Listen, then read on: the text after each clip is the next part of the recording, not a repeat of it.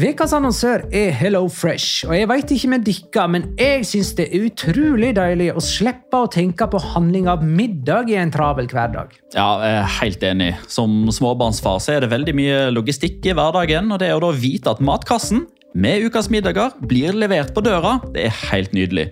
Da slipper du impulskjøp på butikken når blodsukkeret er lavt, og når du kommer hjem, kan du bare ta ut posen med dagens ingredienser fra kjøleskapet og sette i gang matlaginga. Ja, Du kan velge mellom 25 ulike retter hver uke. Og de har faktisk en egen kategori som heter Raskt og enkelt, med masse enkle og gode oppskrifter. Veldig greit å ikke måtte ty til takeaway hver gang det er hektisk på jobb. Jeg gleder meg spesielt til sterk chilikylling i min neste kasse. Jeg blir sulten bare av å tenke på det. Ja, Det er ikke feil med bacon og cheeseburger heller, da. Og det som også er bra, er at matkassen koster det samme hver uke, som gjør det enklere å holde matbudsjettet. Ja, og så blir det ikke matsvinn heller, fordi du får akkurat det du trenger til hver eneste rett. Hello Fresh kan absolutt anbefales, og bruker du koden vår, LIGALOCA, kan du få opptil 1779 kroner i rabatt på de fem første matkastene hvis du ikke har prøvd Hello Fresh tidligere. Du kan også prøve koden hvis du har avslutta abonnementet ditt for tolv måneder siden eller mer. Gå inn på hellofresh.no og bruk koden LIGALOCA. Bon appétit! Hallo? Jeg kommer fra Oslo politikammer. Ine Jansen er purk. Er du purk? The motherfucking bitch. Alt jeg vil, er å finne ut hva som skjedde med mannen min. Jon Carew. Er jeg sikta for noe? Iben Akeli. Det er du. Ole So, Lars Berrum og Big Daddy Karsten. Hvem sin side er du på, egentlig? Anette Hoff, Tone Danielsen, Kommer du fra Afrika? Jørnis Josef, Nesten. Kløfta. Trond Espen Seim, Det er synd å si det, men det var feil mann som døde. Purk. Premiere tirsdag på TV2 Play.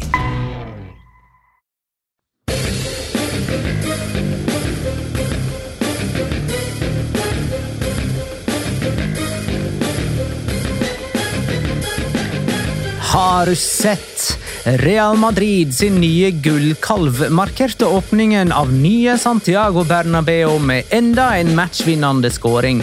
Men heimelaget måtte jobbe for poenget. Det samme måtte Barcelona i Pamplona, mens Atletico Madrid satt hjemme takket være dårlig værmelding. La liga loca. En litt gærnere fotball. Ja, ja, ja, dette er La Liga Loca, episode 260 av det ordinære slaget med Jonas Giæver, hei. Big home, big shalom. Og Magnar Kvalvik, hei. Hallo, Magnar. Hei, ja. Petter er sjuk. Han har feber og greier. Eh, Da må han få roa eh, kropp og sjel. Det er ikke fotballfeber? Eh, Nei, det er ikke den typen, tror jeg. Nei. Jeg tror mer sånn her temperaturfeber med sånn gradestokk og alt det der. Mm. Geir Halvor Kleiva skriver Hvordan tror du, eller hvordan tror det, de spanske lagene vil gjøre det i sine respektive grupper ute i de europeiske turneringene? Det må vi prøve å svare på jevnt og trutt gjennom denne episoden.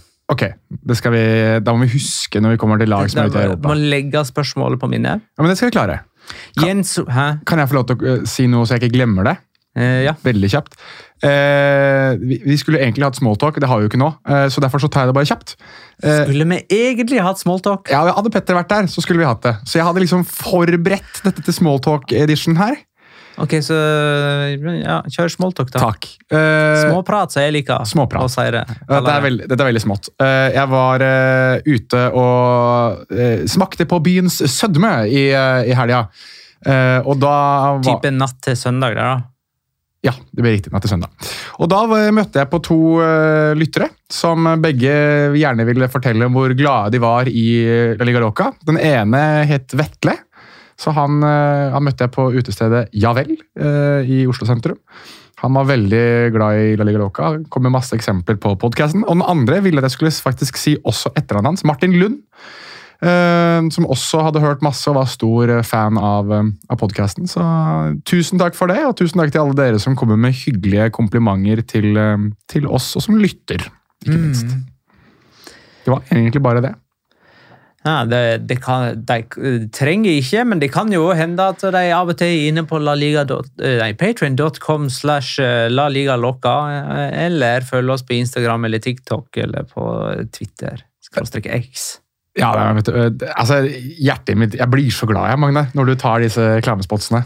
Jens Olav Strand spør jeg, hvor glad er Magna for at overgangsvinduet er stengt? Problemet er at jeg føler ikke at det er stengt så lenge Saudi-Arabia kan bare fortsette å handle. Så jeg, jeg tenker jo for, både for meg og deg, Jonas, at Sevilla og Valencia er ikke ferdig med å selge spillere eller slippe spillere enda. Nei, Valencia, nei, Sevilla er i hvert fall ikke ferdig med å signere spillere heller. Nei, det er jo òg en ting at det finnes så mange spillere der ute som ikke har kontrakt, og som kan signere for hvem som helst når som helst. Mhm. Sergio Ramos, for eksempel. Sergio Ramos, for eksempel. Vi kan jo komme tilbake til det òg. Mye skal tilbake til nå. Eh, nå må mye å huske. Så nå, nå prøver vi å ta det kamp for kamp. Runde fire kamp for kamp. Det starta med Kadis Villarreal 3-1. Sørloth skåra i andre kamp på rad. Villarreal tapte begge. Almeria, Celta Vigo 2-3. Jørgen Strand Larsen skåra òg endelig, og bidro til Celta Vigo sin første seier for sesongen.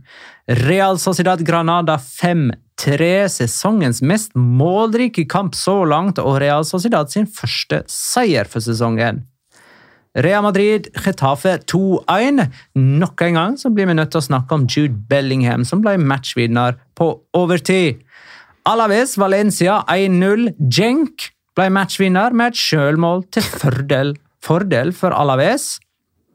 Real Betis Rayo Vallecano 1-0. William José matchvinner for Betis med det som ble sesongens første mål på direkte frispark i La Liga. Girona Las Palmas 1-0 det året! Herregud.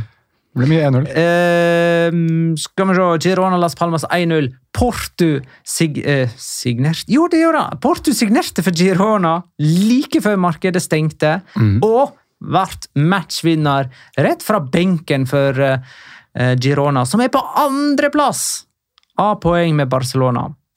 Mallorca Atletic 0-0. Mallorca står fremdeles uten seier, og verken Murici eller Larin har skåra denne sesongen. Atletico Madrid Sevilla ble utsatt pga. værmelding om styrtregn, som visstnok aldri ble noe av. I hvert fall ikke over uh, Civitas Metropolitano. ikke akkurat der, nei. Men det er vanskelig å spå disse her bygene Det var regn. Det var bare ikke regn der det burde vært regn. der det skulle være regn. Der det skulle være regn. Og Sassona Barcelona 1-2.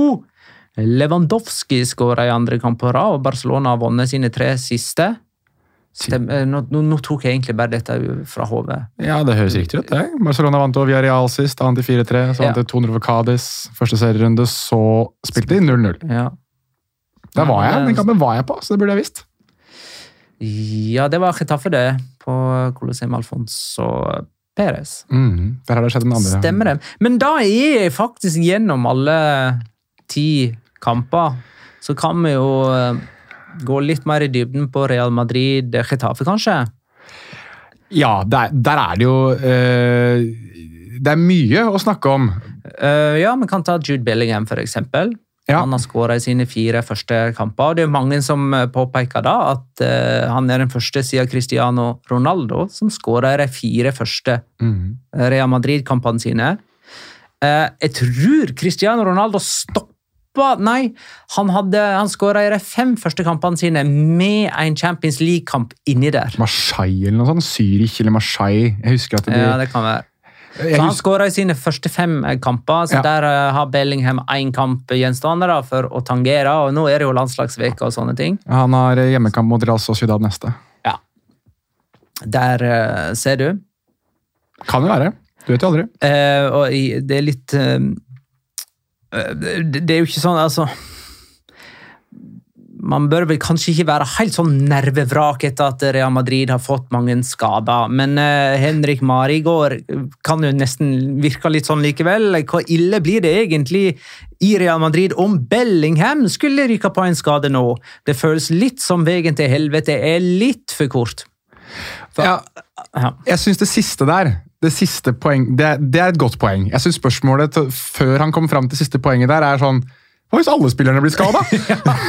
ja, nei, da Jo, jo, men kanskje akkurat Bellingham er en type skade man ikke tåler Nei, jeg er enig i det. Så, så viktig som han har blitt, da, så er, det jo, så er jo veien til helvete således kort. Um, like fullt så tror jeg jo at uh, Real Madrid har hatt maks uflaks da, uh, skademessig med f.eks. Venezia Junior, for eksempel, da, uh, som er ute såpass lenge som han er. Og når de da ikke har erstattet Benzema med annet enn Joselo, som riktignok scora her Ja, ja, altså, Joselo kom inn sist, for Venicius, og hadde målgivende pasning til, til Bellingham. Og nå erstatter han Venicius fra start og Mm. skåra. Så altså, ok, er det noen grunn til bekymring? Curb your uh, worries, eller hva man Nei, Curb Your Worries går, går helt fint. Det. Eller, det er ikke så mye enthusiasm riktig ennå. Um, eller kanskje mye enthusiasm på vegne av uh, Jude Bellingham. Og det var jo litt gøy å se at Santiago Bernabeu eh, ble innviet uh, på nytt. Altså nye, nye Santiago Bernabeu, hvis du kan kalle det for det. Um, Santiago Bernabellingham i mye større grad, med tanke på uh, avslutning, uh, avslutning på da første akt på um, denne nye storstua. Jeg um, jeg, jeg meg, hvis jeg skal bekymre meg for noe på Real Madrids vegne, så er det det at deres fremste målskårer er en spiller som egentlig aldri har skåret noe særlig mål før. Uh, altså Jude Bellingham har ikke vært noen utpreget målskårer, det må vi jo kunne si. Eh, at han plutselig har blitt det, det er jo kanskje en del av det at han eh, selv sier at han er så og så mange ganger bedre enn han var i, i, i Borussia Dortmund, men jeg klarer liksom ikke helt å forestille meg at dette skal pågå noe særlig lenger. Så det jeg er mer bekymra for, er at det er ingen andre som stepper opp. Det må jeg få sagt. Men nå fikk vi et spørsmål. Hvem var det som stilte det, da? Om han skårer 40 mål eller noe sånt. Nei, altså, rett og slett, hvor mange mål skårer han? Ja, det kan jeg finne ut av. Eh, og da, men eh, jeg tror vi har eh, fått spørsmålet før, men jeg skrev aldri ned hvem jeg tippa. Jeg har vedkommende, jeg. Det er Martin André Hansen som stilte spørsmålet i mente det var en gjenganger. Ja. Han skrev kan dere ha en tippekonkurranse i neste episode. Hvor mange mål skårer Bellingham i løpet av sesongen? Er vel på god vei mot 40 nå? Hvorpå en herremann ved navn Magnar Kvalek svarte absolutt. Ja, og man kan ha den tippekonkurransen. Ja. Men uh, da kjører jeg følgende Mm. Nei, forresten, vi, vi sier et tall. Uh, og så sender du en messengermelding til Petter. Han er ikke så sjuk at han ikke kan svare på det. Uh, hvor mange mål skåra Bellingham? Jeg sier 32. Bare sånn herre. Han slår bare helt sånn dundrende til. Sier 32. I ligaen? Ja. 32 ligamål! Ja, ja, ja. Magnar. Magnar. Magnar. ja men, ja, jeg bare har enormt tro på Helt sånn der bunnløs tro på han er nå. Ok. Uh... Jeg har tippa Atletic Klubb på fjerdeplass. Vi ha noen andre Altså, jeg, vil, jeg hadde trodd at eh, jeg hadde eh, copyright på det å komme med sånne helt sjuke påstander. Så der fikk du pling fordi at jeg sendte melding til Petter. Um, Glemte å sette min telefon på sånn type lydløs. vet du hva, Det er en sånn dag i dag. Vi er litt uh, armer og bein innimellom, og det får vi bare leve med. Nå ser jeg Petter har sett det. Eh, oi! Du hadde 32. Mm. Petter hadde 16. Ja, men sant. Den, den slår jeg. Men, men, vet, Men- vet du hva? Da går jeg for 24. Ja, så han legger det midt imellom. Ja, ja, funker det. Funker det. Slingringsmonn. Ja, det, det sånn, det, det der er sånn uh, sånn mulighet som man ikke burde få. Altså Å kunne tippe sist på den der man burde ha skrevet ned hvert vårt uh, ja, burde det. Burde det. Men greit. Uh, 32 mål, altså! mm. 32. Det, det, det der med hva var Lewandowski ble toppskårer med forrige sesong? 19 eller noe? Ja. Det, det, det er ikke sånn denne sesongen. Nei, du tror det bare blir, blir- det blir en skikkelig, det blir en skikkelig toppskårer denne sesongen. Men det må jo da bli Bellingham, det, da. Eh, enten han eller Rafa Mir. Han kan jo skåre 33 pluss. Ja, ikke sant? Ja, ja, Nei, men Det må være lov, det.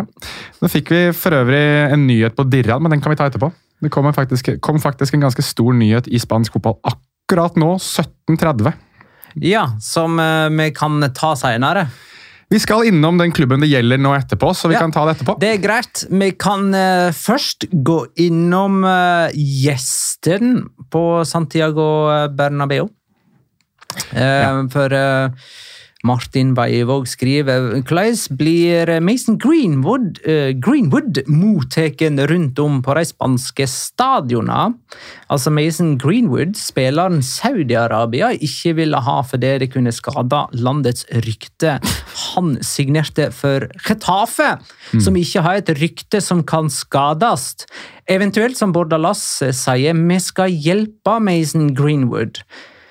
Eh, blir man et bedre menneske av å komme til Chetaffe? Uh, Tror du Bordalas kan, er av typen som kan slå i bordet for eksempel om et år da, og si sånn Siden Greenwood kom til Chetaffe, har ikke han begått et eneste seksuelt overgrep. skal være sånn uh, prakteksempel. Alle disse spillerne, Antony og sånt, man skal dra til, uh, dra til Chetaffe på sånn rehabilitering. Nei, altså um for å ta det første først her, Hvordan har han blitt mottatt på spanske stadion? Det vet jo ikke ennå, for han har ikke vært på noe spansk stadion ennå. hvert fall oss bekjent. Han har sikkert vært innom eh, Coliseum Afonso Perez, men det er jo det eneste. Han er jo ikke, eh, han er ikke begynt å spille ennå. Det er vel kanskje derfor han sikkert skal eh, spille og trene i landslagspausen. Jeg så at Getafe la ut en video av at han har fått drakt nummer tolv, så de har jo registrert han, og alt sammen er, er i gang. Um, hvordan han mottas i Spania, det er, det er litt prematurt. det der, skjønner du, fordi at Man har liksom måttet ta for veldig mange andre ting først. Det er mye annet som har skjedd i Spania som man syns er mer viktig enn at eh, Mason Greenwood har signert for Getafe riktig ennå. Det jeg legger merke til, er at i alle artikler der Greenwood øh, blir rapportert om og skrives om i Spania, så er det øh, gjerne et avsnitt om hans checkered past, med ja, seksuelt overgrep og mm, hvordan den saken har utviklet seg, og at han ikke har spilt for Manchester United så og så lenge fordi dette har pågått. Men det har ikke vært noen som har liksom slått hardt i bordet og ment veldig mye om dette riktig ennå. Men det tror jeg kommer. Uh, den tid de f.eks. ser at Robiales-saken fremdeles ruller og går i Spania, så ville det nesten vært rart om ikke dette dukker opp på et tidspunkt. Um, og så vil jeg, vil jeg, vel egentlig bare si, for jeg snakket om dette i discorden uh, Og jeg syns hele Mason Greenwood-situasjonen er veldig vanskelig å forholde seg til. Uh, for vår del. For vi, skal, vi har en podkast om spansk fotball. Uh, vi skal snakke om spansk fotball. Nå er Mason Greenwood en del av den spanske fotballen denne sesongen her. Ja, Vi kan ikke bare feie han under teppet. Vi kan ikke det. vi kan ikke bare late som det ikke eksisterer, eller at han eksisterer. Men, men jeg syns jeg syns det er viktig at vi i hvert fall anerkjenner at det her er noe som har pågått. Jeg synes Det er viktig at vi anerkjenner at det er noen ofre i denne saken. her, Og det fort også kan være at Mason Greenwood selv blir et offer for en eh, offentlig lynsjing av folk, hvilket han allerede har blitt. Um, og jeg synes også, Dette er min personlige mening. Jeg syns det er trist at denne saken her aldri fikk uh, gå gjennom rettssystemet i, i England. Fordi vi får aldri et svar juridisk på om han er skyldig eller uskyldig, men det er da hvermannsen, deg og meg, som blir stående igjen med dømmekraft overfor om han har gjort noe eller ikke. Vi har egentlig ikke dømmekraft, men, Nei, men det blir men, sånn. Vi blir dømmende. Vi blir mm. sånn, og, og uh, jeg syns det er ukomfortabelt på en måte, uh, men på en annen måte så syns jeg at det er veldig mye i det vi vet om saken, de bevisene vi har sett. da. Vi har ikke sett alt, tydeligvis, for det eksisterer visst mer enn det vi har sett. Men det vi har sett, uh, altså lydklipp og videoklipp og bilder ja, jeg, har, jeg, har, faktisk ikke sett det. Nei, jeg har sett det. Er, er det sånn som alle har sett? Veldig mange har sett det. Det er forferdelig lydklipp. Jeg, jeg, vil ikke, for å si det sånn, jeg anbefaler ikke å søke det opp. Det er, så det er så ubehagelig. Det er kjempeubehagelig. Det, det, nei, jeg orker ikke. Jeg satt på jobb da dette her skjedde, så jeg måtte høre på det. Jeg måtte se videoene, og jeg måtte se alt sammen. Det er forferdelig. Grusomt. Han, eh, for å snakke om, hadde nær sagt noe hyggeligere. Han erstatta Enis Onal, eh, som jo er langtidsskada. Og eh, altså, Chetafe trengte jo noen der, for å si det sånn. Ja. Eh, og hvis vi skal liksom se på spilleren Mason Greenwood og, og fjerne alt det andre ja. Jeg er litt, litt, enig med Petter, som sa i uh, vår bonusepisode under lørdagens innspilling på Patrion, at uh, han, han, har en stil som vel ikke helt går som hånd i hanske med Retafe. Det er ikke Haime Mata, Jorge Molina-versjon du får her, nei. Det er det ikke. Eh, Men du får en, eh, en veldig spennende eh, Toppnivået til Greenwood er jo sensasjonelt. Som er, altså, Mason Greenwood, fotballspilleren, er altfor god for det, sånn er det bare. Og så kan vi godt spørre og stille spørsmål rundt hvor god er han halvannet år etter at uh, han ikke har spilt noe fotball. Um, men jeg tror ikke det, han er jo såpass ung for så vidt at uh, kan jo finne tilbake til gammel magi, sånn sett. Um, og så, ja, så får vi se litt åssen dette her blir. da. Jeg kjenner at jeg er veldig spent på hvordan det her blir. Det må jeg bare få sagt. Jeg er veldig spent på hvordan han mottas. Um, spesielt i et land som ikke er akkurat kjent for å holde tilbake på hets og både holdt på å si eh, både av karak kar hva blir det for natur, eller karakter, som uh, går på det ene og det andre. Uh, så jeg er, veldig, jeg er veldig veldig spent på hele Mason Greenwood-året i, i spansk fotball. Ok, nå må ikke vi glemme spørsmålet til um, Geir Halvor Kleiva. Kleiva. Mhm. Nemlig hvordan gjør spanske lag det i sine grupper? Nå er vi på Real Madrid. Ja. Har du gruppa deres? Eh, vet du hva? Det er den eneste gruppa jeg har glemt å skrive opp, så den må jeg faktisk Den kan jeg finne nå for deg med en gang. Eh, det er Napoli, Braga og Union Berlin.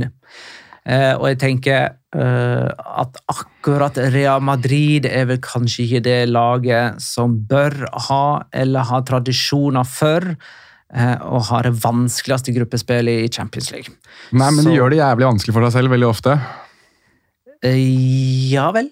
Shakhtar, Borussia, München-Gladbach, Inter-gruppa. Ja, det, det hender de taper en gruppespillskamp, men eh, altså Her er de soleklare favoritter sammen med Napoli. og det- Så lett er det for meg å snakke om denne gruppa, og så bare gå videre.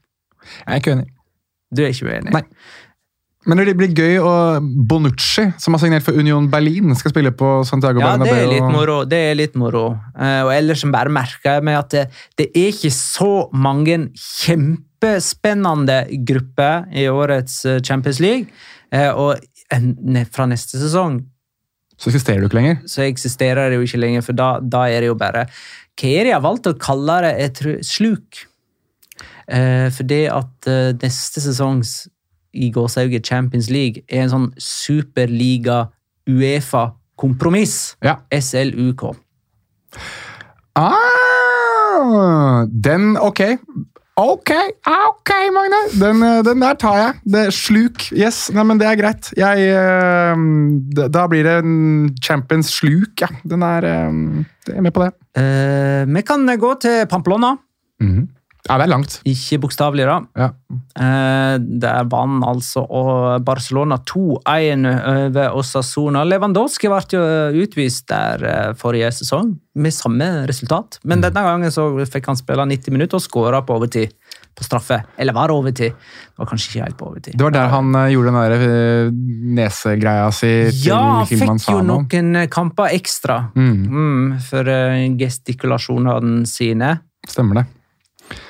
Skal vi se, Det var Condé som skåra først for Barcelona. Chimi Avila utligna for Osasona Osasuna med kampens eh, lekreste mål. For eh, eh, Lewandowski da ble felt av Catena, som eh, ble utvist. Eh, Ja. Og så satte han inn eh, straffen.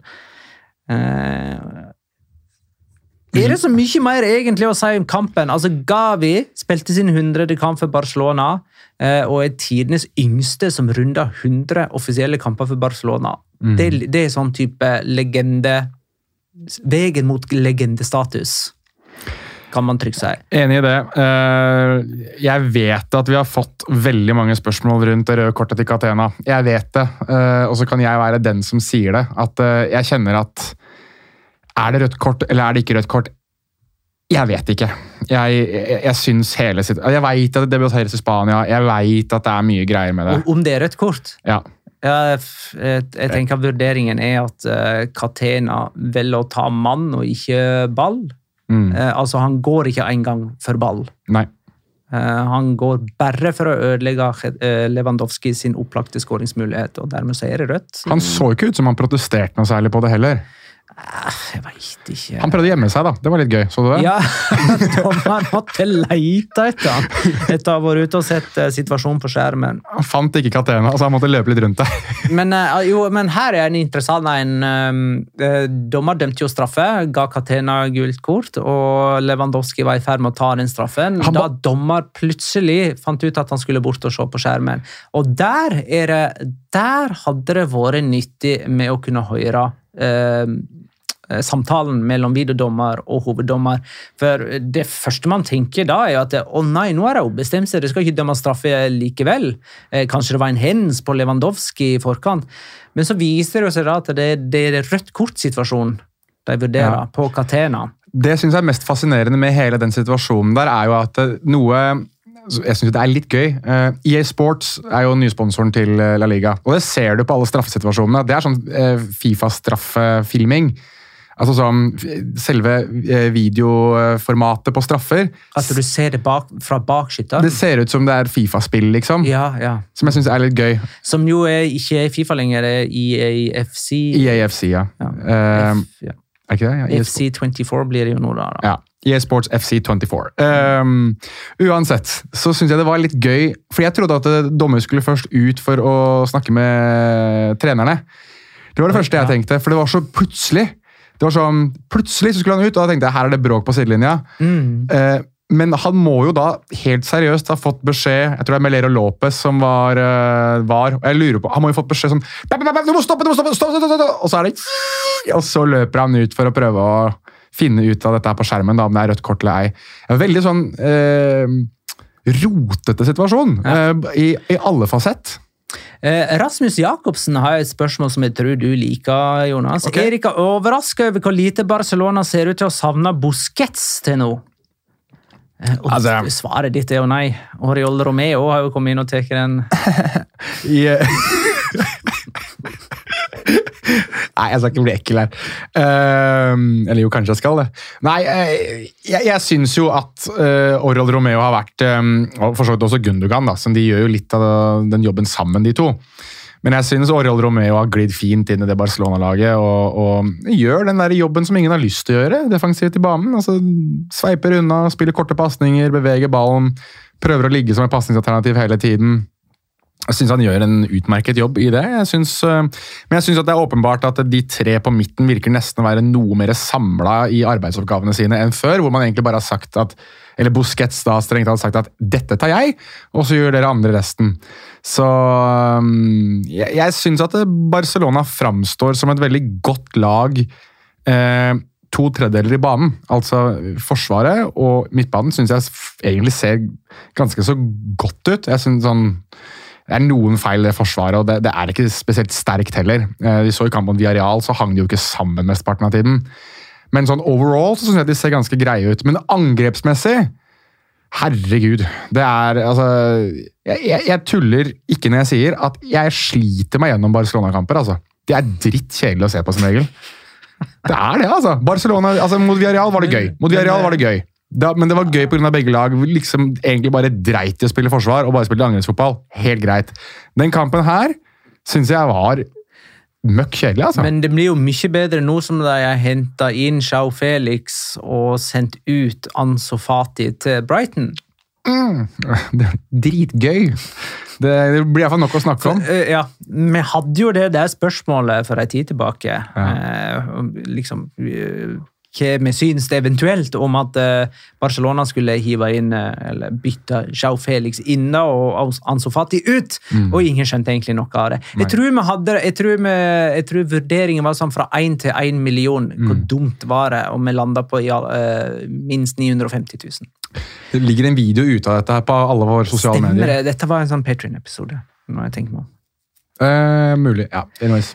Eh, den er grei. Vi utnevnte vel egentlig Barcelona til en av overgangsvinnerne likevel. Det gjorde vi. Eh, og det hadde jo vel litt å gjøre med at f.eks. Joao Cancelo Nei, det var ikke, de var ikke helt droppet, de var på sånn nokså godt. eh, men Joao Ja. Cancelo kom jo inn her og, og hadde jo eh, Så ut som en eh, håper å si forsterkning. Altså, jo, men altså, endelig en høyreback. Ja, ja. Definitivt. Det, Altså, det er jo Sergi Roberto eller eh, en vikarierende Balde på den høyre bekken. Hvem er det de har hatt der, egentlig? Jules Condé har spilt Ja, en del på høyre spilt bekk. mye. Daniel, har- Daniel Alves var der, Det jo. er ikke så lenge siden, faktisk. Nei, det er ikke det. Og hadde noen gode kamper. Serginio Dest hadde de, som de prøvde seg ut på. Ja, det var enda før igjen, var ikke det det? Ja, han- Det var jo Dest og, Dest og Alves som uh... Ja. Men nå er nå ikke noen av de der lenger, i alle fall. Nei. Eh, og ikke bare har en høyre bekk, men det jo- det er jo solid! Ja. Altså, hva er greia med Cancelo som blir lånt ut sesong etter sesong? Det er liksom de superklubbene ja, Han røk ut uklar med Guardiola. Ja, okay. det som virker det er å være. Det er greit. Det Virker sånn. Ellers er jo Osasona annerledesklubben i eh, Spania. De er liksom mer åpne og mer transparente enn de fleste, og de ryker ut av Europacupen før cupen har begynt. Dermed er det jo ingen spanske lag i konferanseligaen de røk eh, i playoffen der mot eh, Klubb Brygge, mens Barcelona spiller Champions League mot Porto, Shakhtar og Royal Antwerp. Og her må det være lov å si at eh, hvis det var én av disse klubbene som hadde grunn til å juble og hoppe og skrike og, og virkelig nyte, så vil jeg si at det var Barcelona. At den trekninga der, den, den, er, den er grei. Den er meget grei, men så er det jo igjen, hvis det er et lag som har vist at de klarer å tulle det til, så er det jo for så vidt Barcelona. Men de har unngått liksom en av disse megaklubbene, da. Det skal jo sies. Ja, for de var vel i gruppa med Inter og Bayern forrige sesong? Og Benfica, vel. De endte vel i en sånn, sånn skikkelig drittgruppe, gjorde de ikke det? Nei, altså, ja, altså ja, type Dødens, da. Ja.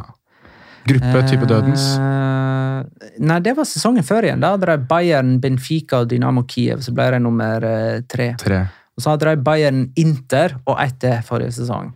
Var det, da? De var, de var ikke noe gode mot dem heller. Jo, nei, det var eh, Victoria Pilsen! Nemlig. Det var De, de, Lewandowski. de var gode nok mot deg. Ja, Lewandowski skåret hat trick mot dem. Det husker jeg. jeg tenker meg om. Victoria Pilsen var det. Men nå altså Porto, Shakhtar og Royal Antwerp det er vel kanskje den letteste gruppa man, eh, de kunne fått, eller har noen gang hatt, i alle fall i moderne tid. altså Det er på en måte lagt så på sølvfat her nå, Ja. etter to fiaskoår, da. Ja, altså jeg mener at uh, Hvis de ikke kvalifiserer seg videre fra den gruppa der, så er det sistemann slukker lyset. altså. Da, da har de ingenting å gjøre ute i Europa. Men jeg ser at det er flere, spesielt inne i vår discord, som er veldig skeptiske til Xavi, og som begynner å bli ganske lei av hans uh, trenerstil og hans eh, spillestil, ikke minst. Så jeg, altså Hvis de ønsker å få litt vann på mølla, så må jo i så fall det gå litt dårlig i Champions League. Jeg tror jeg tror liksom Champions League er litt der Barcelona skal utfordre i år. da. Eh, den, tid, eh, den, den tid de er regjerende, regjerende La Liga-vinnere, og, og liksom er- De store pengene ligger jo i Champions League. Tidenes siste. Eh, Det ble altså ikke noe Atletico Madrid mot Sevilla. Nei. Falsk alarm. Det regnet Det, det skulle regne såpass at det var fare for sikkerheten. mm. Eh, og dermed ble kampen avlyst. Men det, var ikke så farlig for sikkerheten. Eller? Ikke der, i hvert fall. Nei. Eh, den kunne ha blitt spilt.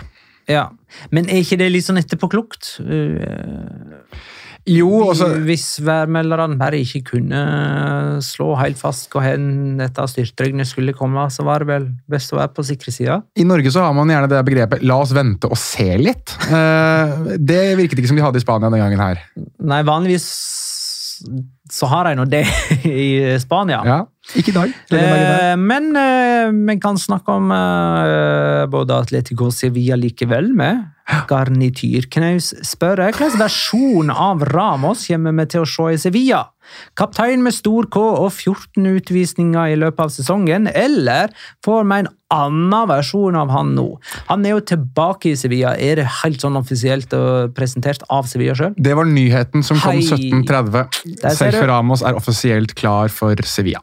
Tilbake etter 18 år, vel? 18 år. Og hvor gammel er han nå? Han er ikke 18 i hvert fall. Uh, er han ikke 35 da? Ja, 35, da tar jeg- 36. Da tar jeg en eh, kjapp sjekk på det, mens du svarer på spørsmålet til Garnityr Knaus. Altså, Sergio Ramos for meg er en av disse spillerne som klarer å, å alltid holde seg i sånn kjempegod form. Um, og så har han vel selv sagt at eh, han har på en måte inngått en avtale med sin bestefar, sin far og Antonio Porta i det at han returnerer nå. Så det er jo åpenbart at han, når du nevner disse navnene, altså sikkert bestefar og far, som kanskje er grunnen til hvorfor han ble sevista, og så er Antonio Porta og hans beste venn, da- tenker jeg at vi sitter igjen med en ganske motivert Sergio Ramos. Um, og det er litt sånn gøy, fordi du har jo Petter da som sier at ja, Sevilla har jo manglet en leder i forsvar. Du finner liksom ikke noen mer ledertype på stoppeplass i verden da, enn Sergio Ramos. De har mangla en type i forsvar, Ja. uh, faktisk. For han hadde en sånn åpen plass i lagoppstillingen sin for Sevilla. Ja. Altså, Hvem skal spille ved siden av Loic Badet? Ja. Nå gir det seg sjøl. Det gir seg selv. Han er 37, Ha- Tre- Ja, han er blitt så gammel, ja. ja nei, men altså men eh, man holder kroppen sin uh, ganske sterk ganske lenge i moderne tid. Og som du sier, han er jo en sånn uh, Altså, jeg, jeg tror det er ganske mange treningsnarkomaner på dette nivået, men han er på en måte en av de som viser sin treningsnarkomani. Jeg har sett mange klipp Ja. han har lagt ut. da. Jeg har til og med latt meg inspirere til noen av disse treningsøktene som han bruker. I Oi. alle fall på spenst. Ja, det kan jeg Men Ramos, Ramos slår meg som en type som Jeg tror ikke han ville signert for Sevilla hvis ikke han følte han hadde noe å gi her. Uh, nei. nei, altså jeg, jeg tror han kommer til å levere habilt på nivå med han der eh, som de henta fra Bayern, og som ikke ble noe ting. Nyanzo Nik riktig. Husker ikke han, husker ikke han var der en gang, holdt jeg på å eller er der. Han, Er han der? tror han er der ennå. Et eller annet sted. Eller annet, en eller annen plass i bygget. Han er der et eller annet sted. Han må, I en av hjem- hjem, gjemmer seg på kottet et eller annet sted. Nei, jeg vet ikke. Ellers så solgte jo Atletico Nei, unnskyld, Sevilla, som fortsatt er der, eh, til Catito. Jeg lot han gå. Ja. eh, Det samme med Papu Gomez. Mm. Eh, spesielt til Catito fikk vi å se lite til. da. Det ble noen koronaår. Det, det er jo korona han heter. Han kom midt i pandemien og greier. Vent litt, stopp, stopp podcasten to sekunder nå, Magnar. Kom du nå med en skikkelig sånn type Jonas slash Petter-vits koronaår? Det var, det var ikke noe vits. Jeg prøvde ikke å være morsom. Altså, forskjellen på meg er at bare, dette var bare opplysning, øh, mens dere pleier Aha. å, å vente på latter, Mm. som aldri kommer. Nei. Nei, nei, okay. Nevnte jeg Mar Mariano Diaz som har kommet inn? Nei, det gjorde du nå. Ja. Det er, men du, kom nå igjen. Det er ikke den dårligste overgangen, det. Altså, Jeg syns jo at Mariano Diaz, som, som en sånn slags uh, bublære til uh, Yusuf Nesiri og Rafa Mir, som også er der, jeg syns ikke det er det dummeste man kunne gjøre. Nei, jeg, jeg veit ikke Mariano Diaz gjorde jo ekstremt godt for Lyon, husker jeg. Og så ble han kjøpt 18 mål på 37 seriekamper for Lyon. Det er absolutt godkjent. Jeg vil si at det er ganske bra. Og så ble han hentet til Real Madrid, som åpenbart ble hentet tilbake til Real Madrid, som er åpenbart en klubb som er for god for ham.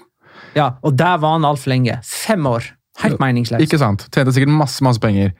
Og nå eh, skal han spille for Sevilla, som jeg vil si at er en klubb som er litt i sjiktet med Lyon, sånn statusmessig. Eh, sikkert også på en del andre flater òg.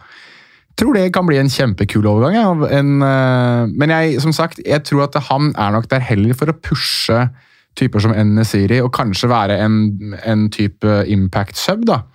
Kall det en sånn slags litt mer eh, kul utgave av Martin Brathwaite, liksom. Det, det er ikke så dumt å ha sånne typer i laget. I Champions League så skal Sevilla ryke ut i gruppa med Arsenal, PSV og Lance.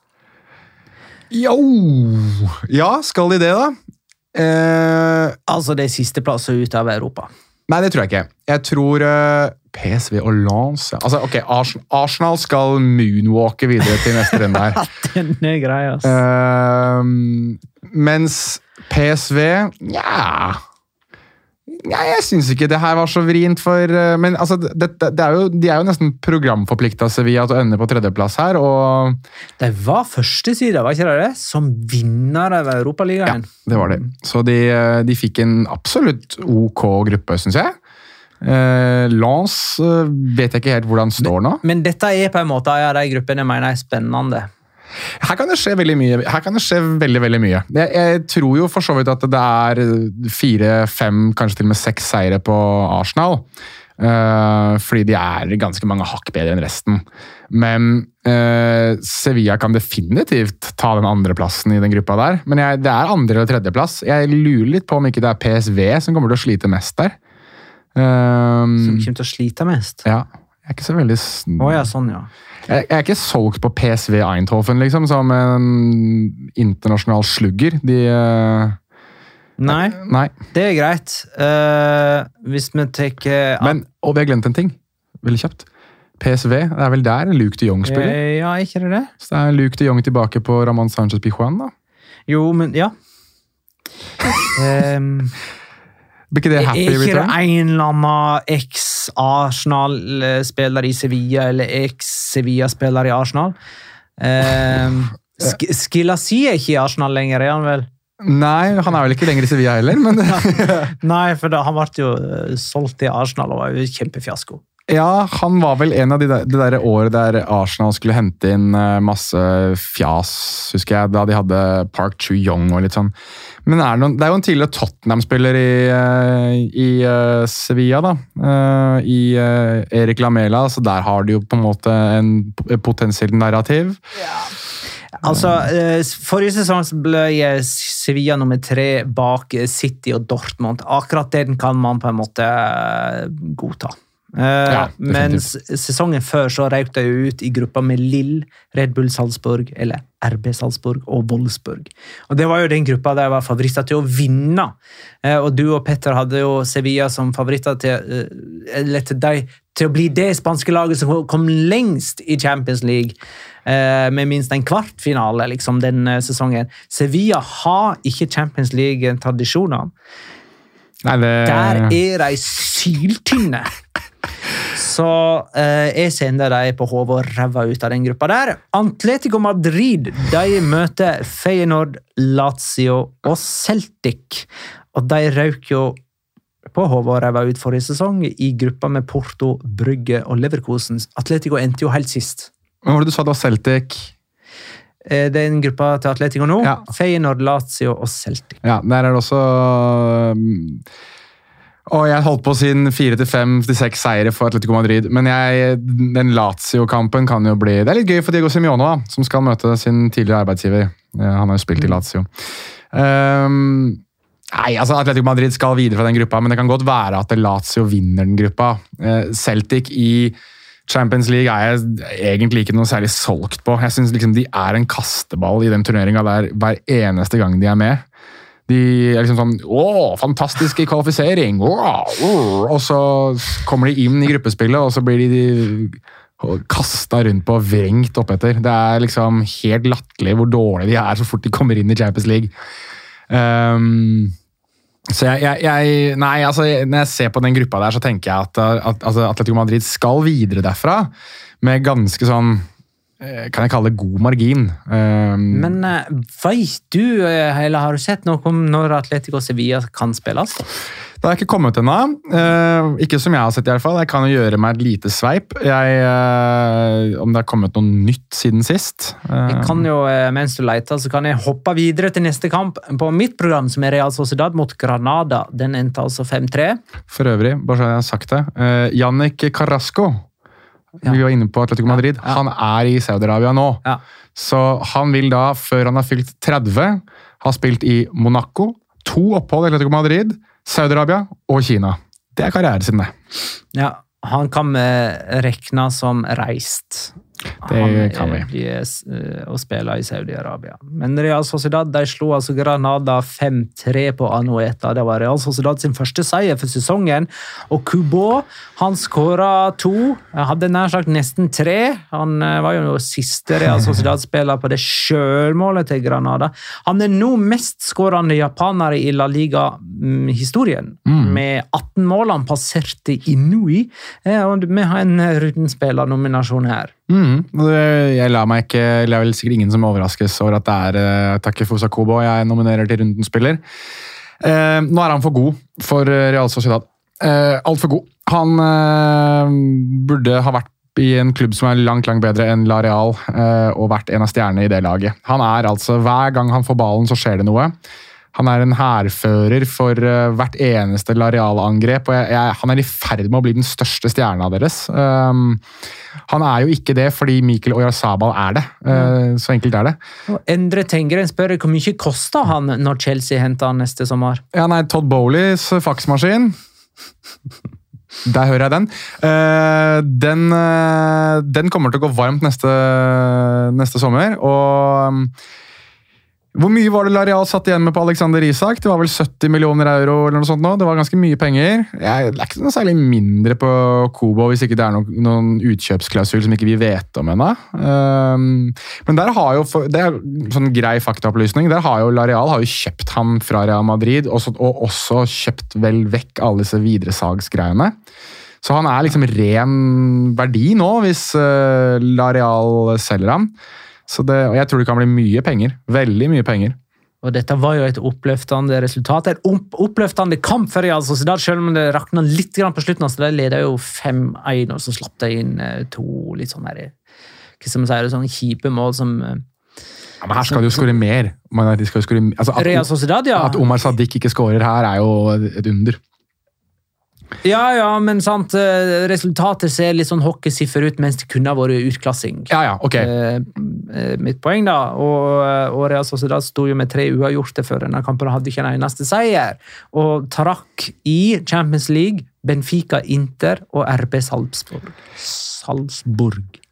Syns det er en bra gruppe jeg, for eh, Lareal sin del. Denne jeg syns det er åpen og spennende. Ja, helt enig. Jeg tror eh, der tror, altså jeg, jeg, De må jo åpenbart legge grunnlaget sitt på Anueta. Der må de i hvert fall ha to seire, om ikke tre. Um, og gjerne kanskje stjele med seg en borteseier, f.eks. i Salzburg, selv om det blir vanskelig.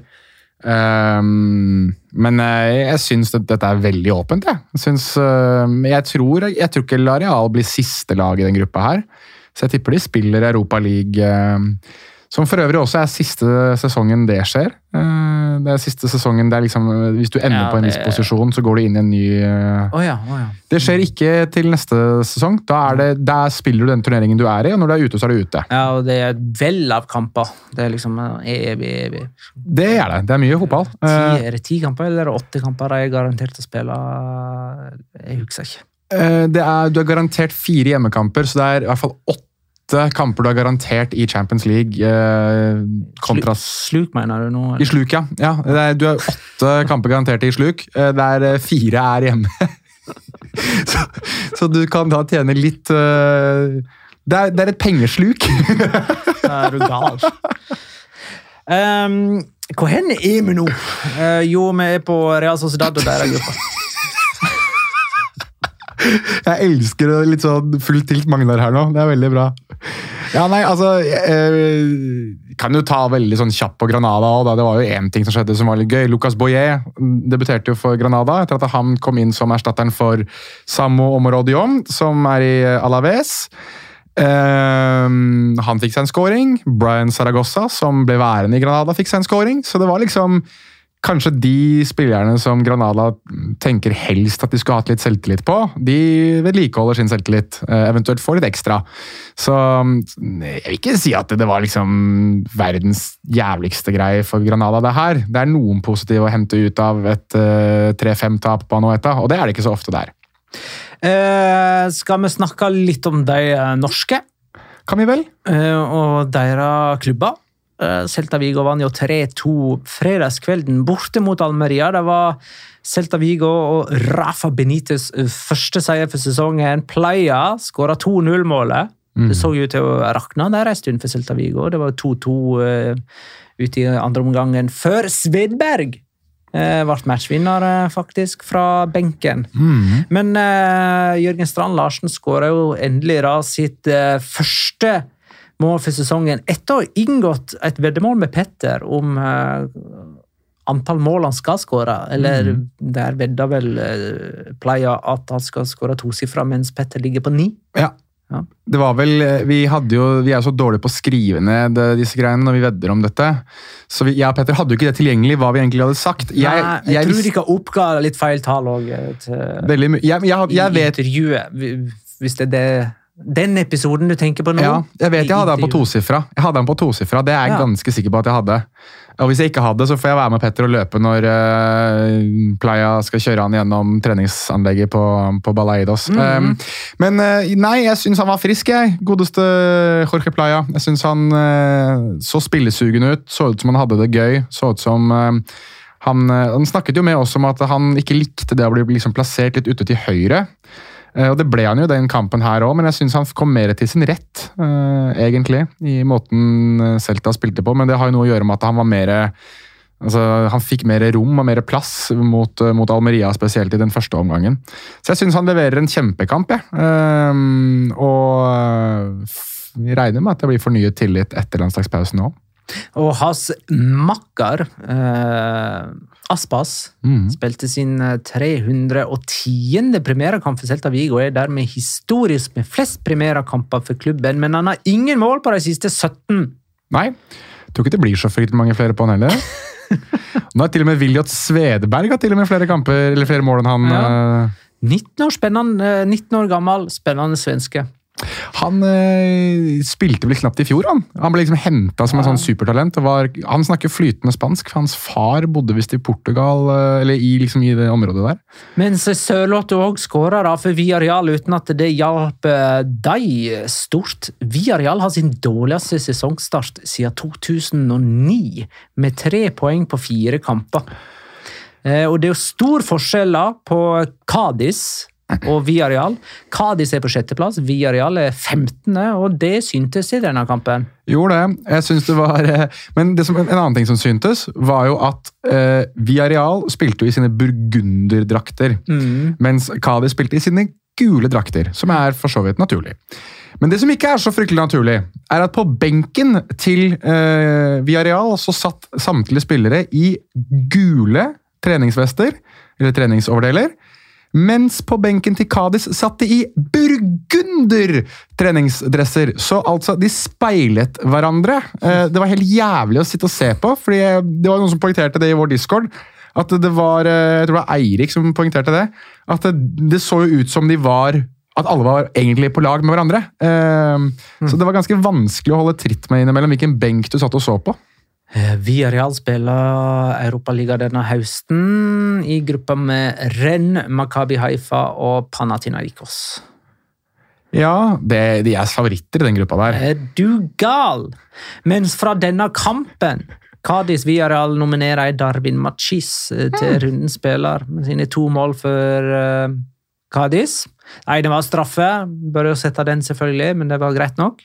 Eh, men andre mål er ganske pent. Veldig. Det er en slags Jørgen Strand Larsen-skåring, bare med litt mer større avstand til mål. Litt mer kraft, vil jeg vel også si. Ja, den, den følger med større avstand. Ja, riktig. Men, eh, men Men, men altså, rundens spiller er Kubo.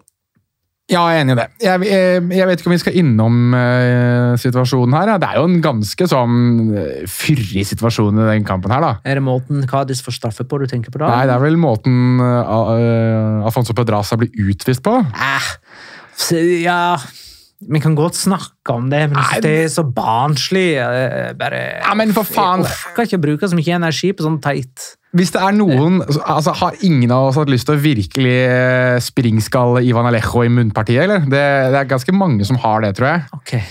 Så Alfonso Bedraza tok, han liksom... han tok den for oss.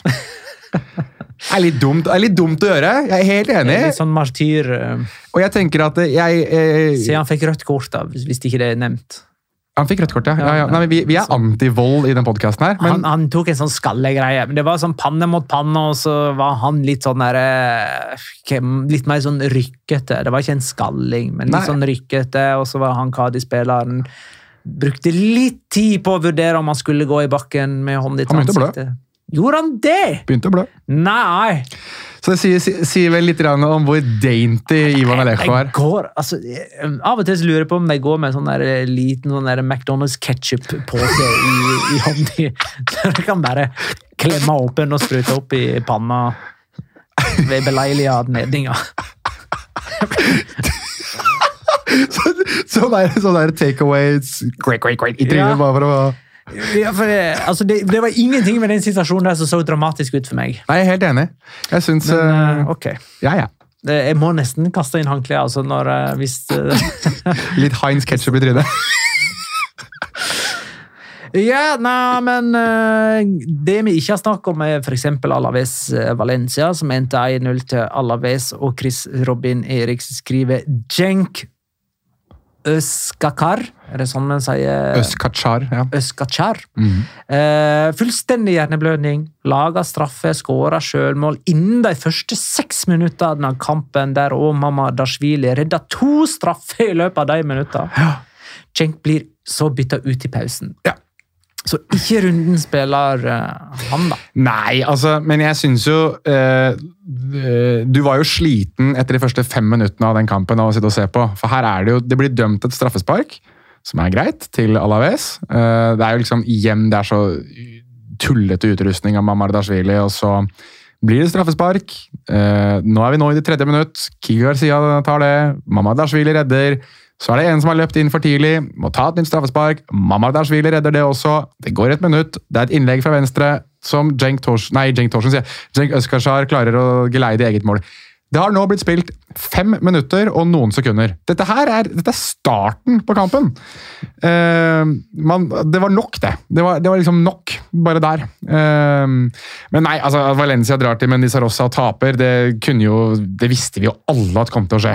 Valencia tapte alle bortekamper mot nyopprykka lag forrige sesong, og fortsetter den trenden denne sesongen. Og så Ja, det var noen som sendte oss en, jeg vet ikke om du har den der, men det var noen som sendte oss en oversikt med de seks neste kampene til Valencia. og Det er vel ikke en kamp der de skal vinne?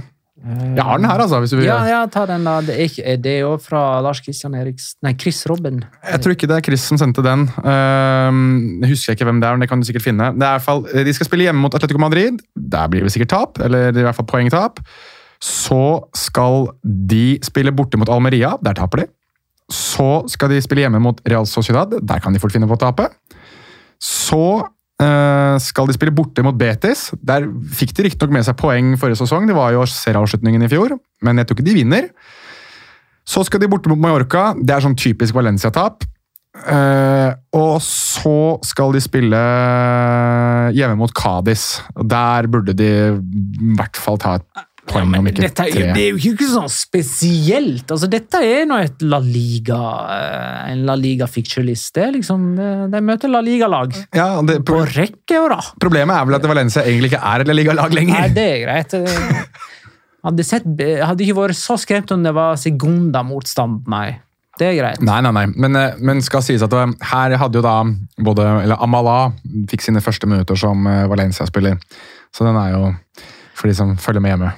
Ellers så kårer vi jo eh, Valencia til det ja, Sammen med Sevilla til, til sommerens dårligste overgangsmarked eller gjennomføring på det markedet. Men kanskje de taper ytterligere til Sevilla etter at Sevilla har Henta ja. litt på, på gratisen. Jeg tror faktisk de lagene vi hadde som de dårligste lagene, sånn helt nederst, tror jeg Jeg lurer på om ikke vi endte opp med Viareal der òg, som jeg tenkte på i etterkant. At eh, du, jeg og Petter har liksom sagt at lagene våre alle sammen var dårlige på overgangsvinduet. Men uh, Villarreal sin del var jo fordi at de fremdeles mangler en keeper. Ja. Så, Og, og er, er jo i veldig pluss etter alle salgene sine. så kanskje de endte på den plassen litt over. Ja, det er ikke så mye å si. Eh, Vi kan jo avslutte her med Betis. De slo jo Rayo Vallecano som nevnt, og skal spille Europaliga mot eh, Rangers, Sparta Praha og Aris Limassol. Ja, igjen, da. eh, Sånn styrkeforholdsmessig så er vel den, det er vel Rangers, da. Uh... Det som er litt vanskelig med uh, europaligakamper, er jo at det spill, blir spilt på torsdager, og, og, og klubber er litt sånn forsiktige med, å ikke overbelaste spillerne sine inn mot seriekamper og sånne ting. Så jeg er litt usikker på hvilken versjon av Betis vi får i det gruppespillet. Men Nå har jo Betis har jo hentet såpass mye at de har jo litt bredde i den troppen der, da. Så de kan jo kanskje gjøre noen endringer som ikke nødvendigvis eh, nedskalerer kvaliteten noe særlig. Men jeg, jeg, jeg er litt enig med deg. Jeg klarer liksom ikke å Jeg syns det er vanskelig å betrakte hvor gode Betis er i en sånn gruppe som det der. Spesielt når jeg ser Rangers, som jeg syns er egentlig et ganske bra fotballag. Også Sparta Praha sånn halvveis gjenganger i, i Europa. Altså, ok, Aris eh, De er nå der, de òg, da. Det, det blir heksegryte i Hellas, liksom. Det, det, og alle andre ting. Kypros. Ja, Er det Tessaloniki, eller er det Aris Limasol? Limassol. Aris Limassol? Ja. Du har jo du har jo en Aris i Hellas også, Ja, faktisk. ja, ja. Så jeg trodde det var de første. Men ok, Aris Limasol Limassol, da. De, det blir sikkert heksegryter på Kypros òg, for så vidt. Jeg vet ikke hvor, hvor ille de er, men eh, anyways, de er i gruppa. La oss ta litt uh, locura! Ukens La Liga Locura. Locura. Locura. Locura. La Liga Locura. Ja, jeg kan godt begynne. Det er jo det, er- det er mye man kunne øh, lokurert denne runden her, men det er én ting som jeg tenker at er kanskje litt sånn eh, forgotten locora, hvis jeg kan kalle det for det. Eh, vi skal da altså inn i Jeg er rimelig sikker på at dette er tidenes første La Liga-sesong der Real Madrid ikke har en spiller med nummer ni, og Barcelona ikke har en spiller med nummer ti. Det er ganske sjukt med tanke på de tradisjonene de to klubbene har for de to draktnumrene. Så er det ingen som er gode nok, ingen som har nok pondus, ingen som har nok karakter, ingen som er stor nok stjerne, ingen som beæres tradisjon, ære, for det å bære disse fantastiske draktnumrene. Tok ikke Mariano Diaz over nummer sju eh, etter Cristiano Ronaldo? Der ser du hvor stor Mariano Diaz var. Det har kanskje lært å tenke sånn eh, Nei, eh, nå kan ikke vi kaste sånne byrder på uh, urutinerte skuldre. Ansofati tok jo drakt nummer ti og, og er nå en Brighton-spiller. Jo, men, jeg, men, men samtidig, det sier jo litt grann om status da, på en del av de i hvert fall angrepsspillerne som er i de to lagene. Greit nok når Lewandowski har nieren i Barcelona, men Joao Felix fikk ikke tieren. Han skal spille med 14. Uh, skal jeg ta min locora da? Uh, fra en tid tilbake så hadde vi jo den her uh, unge skåringskombinasjonen der Lamin Jamal som 16-åring eh, serverte Gavi som 19-åring. Veldig sånn ung skåring. Lurer på om vi denne gangen fikk den laveste heddekombinasjonen.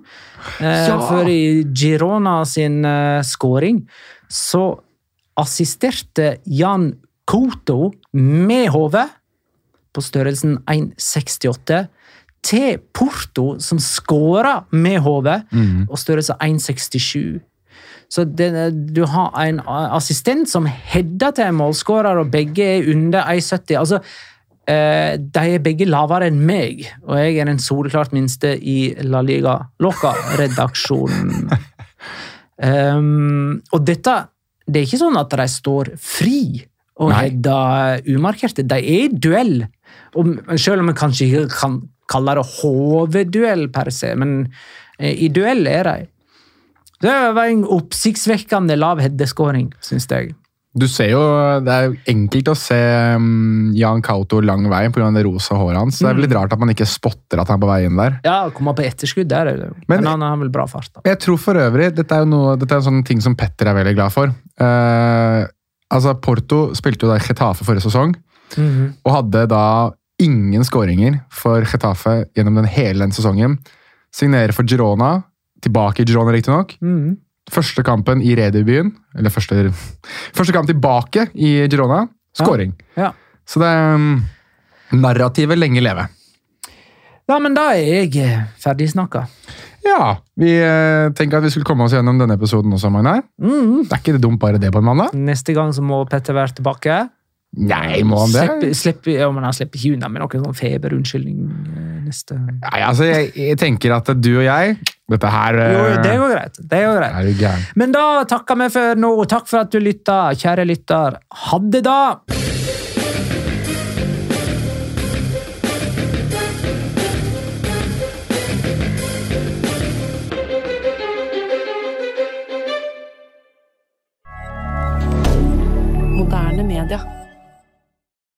Har du et enkeltpersonforetak eller en liten bedrift? Da er du sikkert lei av å høre meg snakke om hvor enkelt det er med kvitteringer og bilag i fiken, så vi eh, gir oss her, vi. Fordi vi liker enkelt. Fiken superenkelt regnskap.